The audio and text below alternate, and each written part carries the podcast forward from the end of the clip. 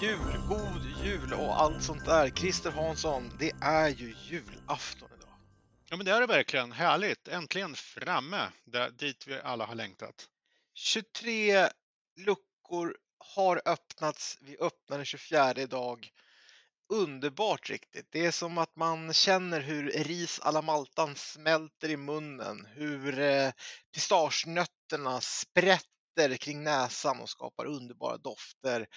Och eh, om man nu äter en sådan grillerad julskinka verkligen doftar och fyller hela rummet med mys. Hur är det hos dig Christer? Ja, men vilka mustigt eh, fina bilder du ger Mattias. Jag sitter fortfarande här med min flytande knäck och kola har jag lite kvar av. Ja, ja. Ja, Eh, Men du gör inte sån här, det är ingen mikrokola du gör va? Nej, det, det är på spisen. hej, det är äkta Coca-Cola på spisen, men det var ju det där med temperaturen. Jag gjorde så stor sats också så att det har räckt ända fram till nu. Så när jag sån där, har jag väl gjort kolan, har jag väl gjort knäcken, jag gör, gör inte om det bara för att den blir flytande. Jag anpassar mig.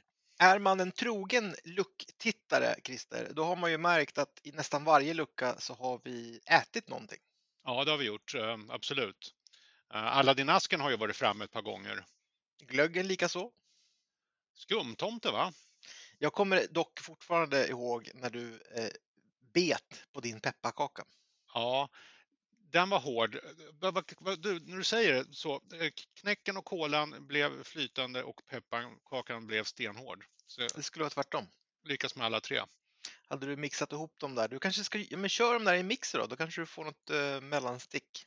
Kanske det man gör idag på julafton och skickar ner det där i mixen och får fram någon ny sån här, eh, sån här god jultraditionsrätt eller godis.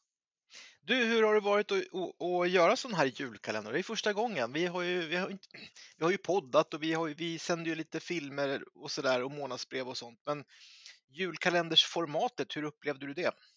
Ja, men det, det har varit jätteroligt att spela in, att planera, att spela in att genomförandet. Det har ju varit toppenkul och lärorikt och eh, vi har ju ändå haft ambitionen, trots vår lite flam, flams och trams med ätandet och det här småsnacket innan, så har vi ändå försökt in på, eller vi har ju velat få in eh, arbetsmiljöbudskapet i luckorna.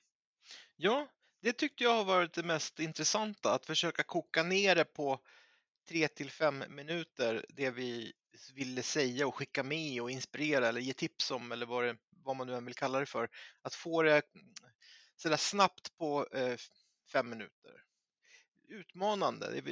Men å andra sidan Christer, det är väl så man ska ta sig an arbetsmiljöarbetet, att det är ju väldigt enkelt egentligen.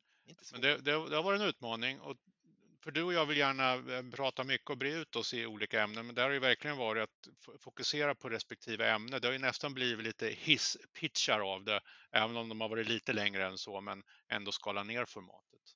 Jättekul också att vi har ju haft gäster, superroligt. Vi har ju haft med oss eh, både Region Nord och Region Syd och, och Region Stockholm Gotland som har bjudit på sina luckor. Jättekul verkligen. Ja, det har varit vä- vä- väldigt givande. Det, det, är det, det är det bästa tycker jag med den här kalendern, att vi fick med de här gästerna. Hörru du, har du någon sån där eh, favoritlucka? Du vet ju att jag inte tar del av våra produktioner vad vi än gör. Och det är samma sak med julkalendern. Jag, har ju- ja, jag har nog tittat på alla, men ja, favoritlucka? Nej, men det, det, finns, det är väl mer så här en uppfattning om helheten, Mattias. Jag vet inte, vi kan hänga oss kvar vid favoritluckan. Jag, jag avstår från att utse någon lucka som en av mina favoriter. Jag, jag, återigen, de med gästerna i, det är de, det är de som är bra. Så. Ja, men då är jag absolut, jag, den håller jag med om. Eh, att, kul med gäster. Men jag skulle tycka att eh, när det var Nobeldagen och vi pratade om forskning versus upplevelse. Ja, det är någonting jag bär med mig från det. Alltså jag kanske inte har tänkt på det på det sättet, men när vi spånade fram och tog ansats i att det just var Nobeldagen då eh, och hur man måste förhålla sig till det. Att forskningen kan absolut ge väldigt mycket saker som man ska förhålla sig till, men i arbetsmiljön så är det nästan alltid upplevelsen som styr. ja. Ja men, spännande att du pointade den.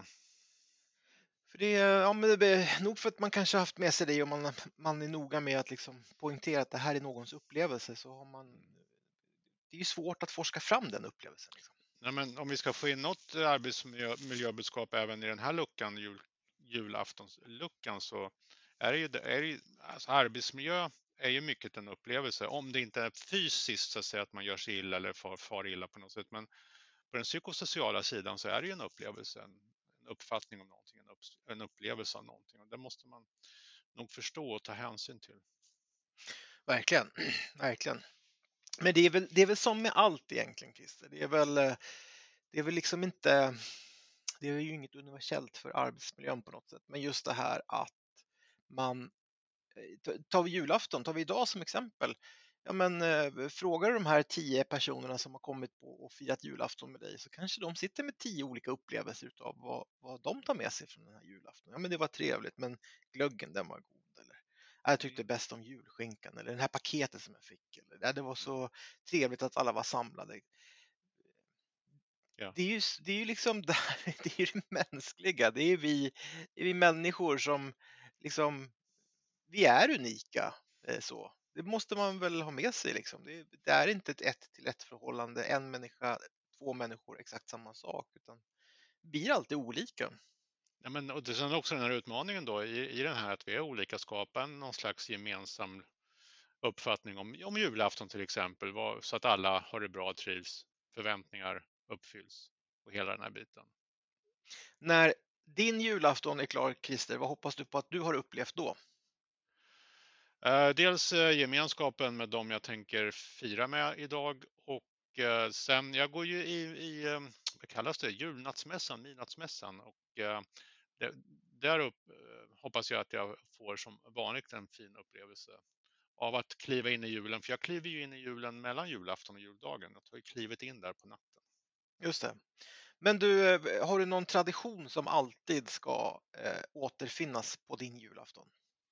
Ja, det, det, det är nästan så jag skäms idag, men man är, det, det är ju ett tecken på gammal Säg inte dopp i grytan.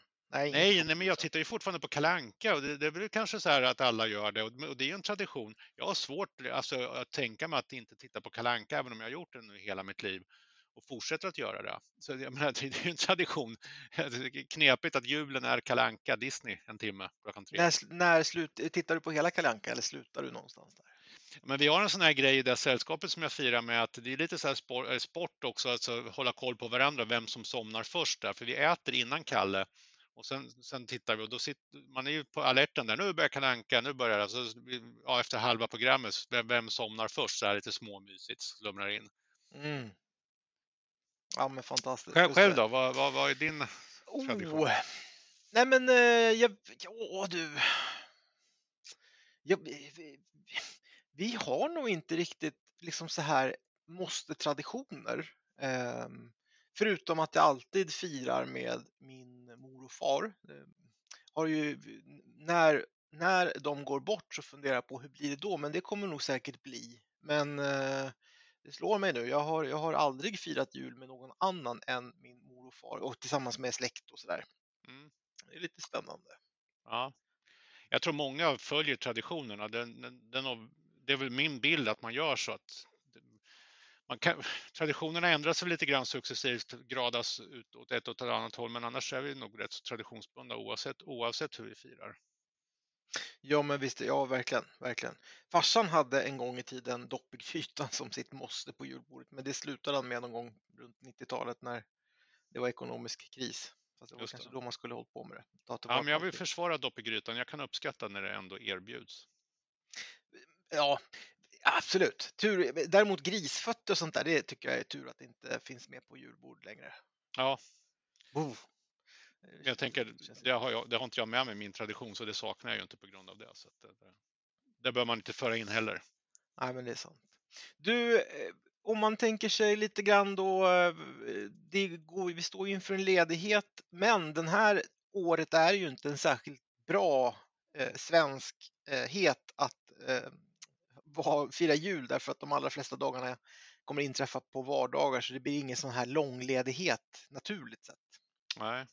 Det är lite knepigt, men då kan man ju alltid ta med sig det vi har pratat om i den här podden tänker jag. Att eh, våga låta muskeln slappna av och när man väl ska eh, använda hjärnan igen, spänn den lagom mycket. Det gäller att hitta de här olika typerna av återhämtnings tillfällen, både de här, allt från mikropause till de här långa weekends och allt vad det är. Men allt däremellan, ta tillfällena i akt. Hitta de där luckorna, de där post-tillfällena för återhämtning. Ja, du, jag tänker också, för någonstans i det där, eh, apropå att spänna muskeln och så vidare, så, så eh, hur, vad tror du? Tror du att när, när det är sån här, liksom när julstöket har lagt sig, för idag är det ju julafton och alla vägar bära till julafton under december ja. på den vänster. Allt man mm. gör ska ju.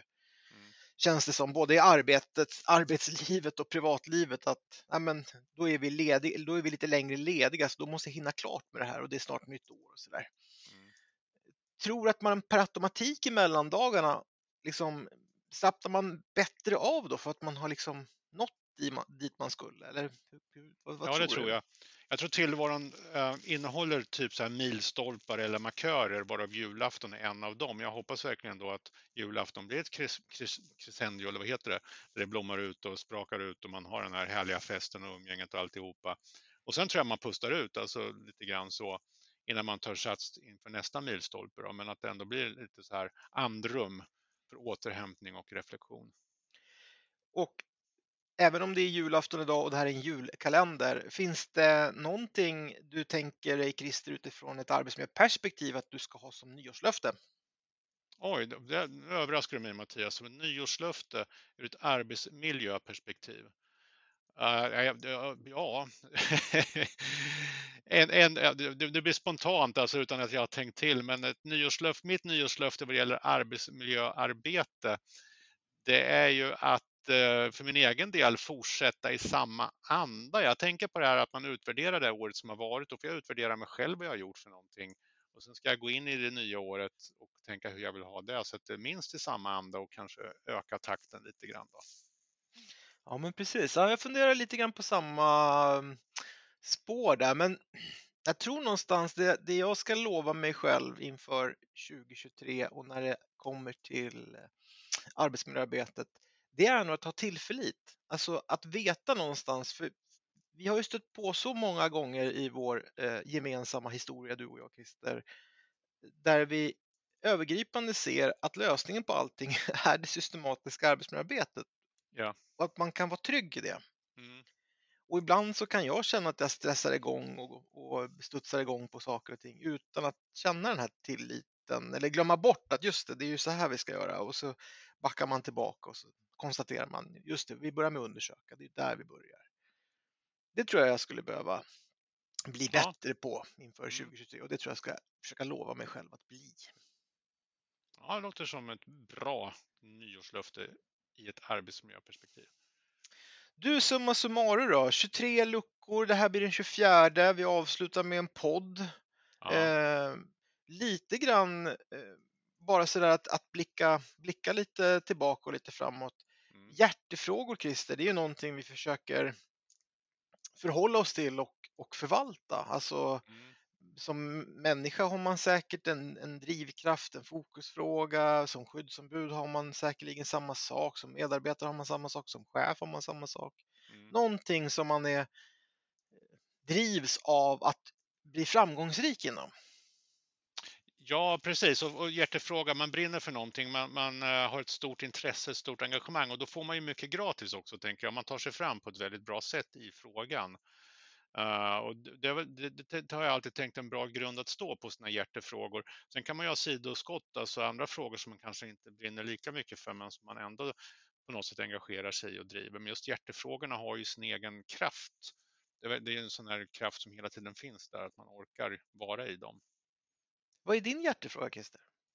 Eh, min hjärtefråga är just nu och har varit ett tag ledarskapet och jag pekar inte då på chefer specifikt utan ett ledarskap, det goda ledarskapet för arbetsmiljön och det, det kan man ju utveckla till, till, att bli mycket större än det jag hinner med nu. Men min hjärtefråga är ledarskap och den goda effekten av ett gott ledarskap.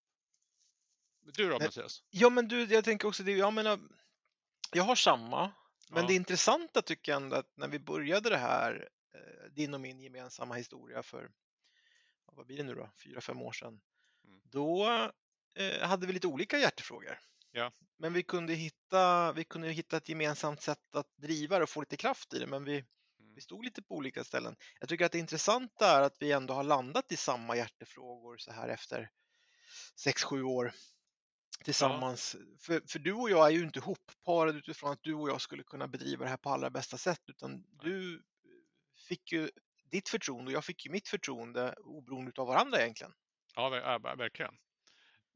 Jag tänker att uh, det, det, det, måste ju finnas, du och, jag, du och jag har inte pratat så mycket om det, men det måste ju finnas både hos dig och mig ett, ett genuint intresse för ledarskap, tänker jag. Det, det, måste vara grunden hos oss båda. Det är ett antagande som jag har, att vi är intresserade av ledarskap oavsett vad vi håller på med, oavsett om vi är skyddsombud på Arbetsförmedlingen eller jobbar som arbetsförmedlare eller vad vi gör på fritid, så tänker jag att du och jag det har jag sett spår av hos dig också Mattias. Du är ju ledare och ungdomsledare i fotboll bland annat har jag ju förstått. Det är också en typ av ledarskap och så där. Så man, jag, jag, kan ju se spår hos dig, ditt intresse för ledarskap och hur du använder dig av det. Så det, det är någon grund i det och så blir det en hjärtefråga i det vi är i idag, att jobba med arbetsmiljö. Så tror jag vi kan applicera vårt intresse för ledarskap in i det och se, se nyttan av ledarskapet i, för ja, det, den goda, goda ja, arbetsmiljön. Men, ja men precis och det är oftast där någonstans, alltså just den här att man, man väljer att investera i att ha någon som ska utföra ett ledarskap och eh, eh i, i de allra flesta fall jättebra liksom. Eh. Men när det inte fungerar, när, och, och, om vi ska knyta ihop säcken lite grann, när vi pratar om vad det är man upplever för någonting. Eh, så är det oftast lösningen på det är ju att skruva upp ledarskapet lite grann för att den här negativa upplevelsen ska bli positivare. Mm. Och det, det, kan jag tycka är ganska fascinerande att det är så enkelt men ändå så svårt att lyckas där. Mm. För skulle du stå inför en sjujäkla arbetsuppgift och inte känna att du har stöd ifrån ett ledarskap, då skulle du tror jag, eller jag, jag kan ta mig själv som exempel, då skulle jag eh, tycka att det var en, en himla uppförsbacke att vandra kontra eh, om, om jag hade en chef och ett ledarskap som stöttade mig i det där och kunde liksom se, se på saken nyanserat lite grann. Att Nej, men det här är inte så farligt eller känn ingen press eller ta det lugnt eller vad det kan vara. Liksom. Mm. Så att, ja, det är väl när ja. vi, vi har väl, vi har väl någonstans liksom gått igenom allt ifrån riskbedömningar till eh, fysisk skyddsrond till eh, alla de här bitarna och när vi har bockat av dem i vårt vakande över arbetsgivaren, eh, i alla fall halvdana bockar, så, så har vi landat någonstans tror jag bägge två i ledarskapets betydelse. Det har vi och sen ska ju inte du och jag färga omgivningen i deras hjärtefrågor. Jag, tänker, jag, jag utgår från och antar att i de här luckorna som vi har haft nu, 23 stycken, 24 med den här, tagit upp arbetsmiljöämnen så kanske någon har lyssnat och tänkt, ja men det, det där brinner jag, det där är någonting jag är intresserad av. Att ändå har olika hjärtefrågor. Det gör ju att vi blir starka tillsammans också, att vi alla bär på olika kunskaper som tillsammans blir en väldig styrka. Avslutningsvis, stort tack till alla som har varit med på den här julkalendern och öppnat luckor och engagerat, delat med er av exempel och så vidare. Eh, stort tack! Eh, tack till alla gäster eh, och till alla er som jag har samverkat med och haft kontakt med under året önskar er en fantastiskt god jul. Och samma tack från mig och också en önskan till er alla om en god jul. Då stänger vi lucka 24 och den här julkalendern Christer. Ja, det gör vi.